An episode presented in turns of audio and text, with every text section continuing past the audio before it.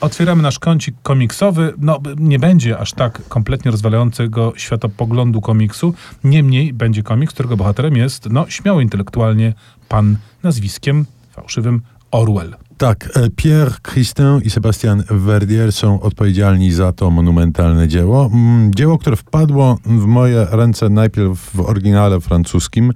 E, Przekartkowałem i troszeczkę mnie rozczarowało, bo wyglądało Może za jak... znasz francuski.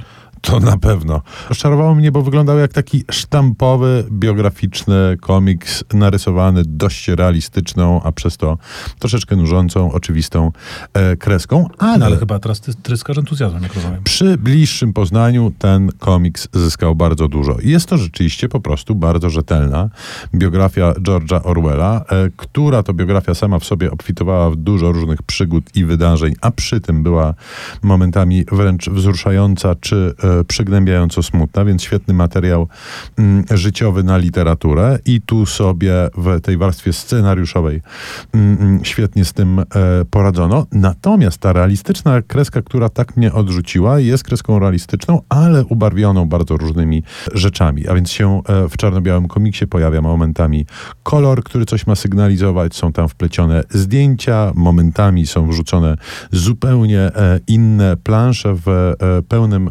kolorze. I jednym słowem, dzieje się w tej książce dużo więcej niż na pierwszy rzut oka można e, zobaczyć. A jako, że książek o Orwellu napisano mnóstwo, natomiast z filmami gorzej, to myślę sobie, że mm, ten e, komiks z powodzeniem może być substytutem po prostu dobrego filmu biograficznego o George'u Orwellu.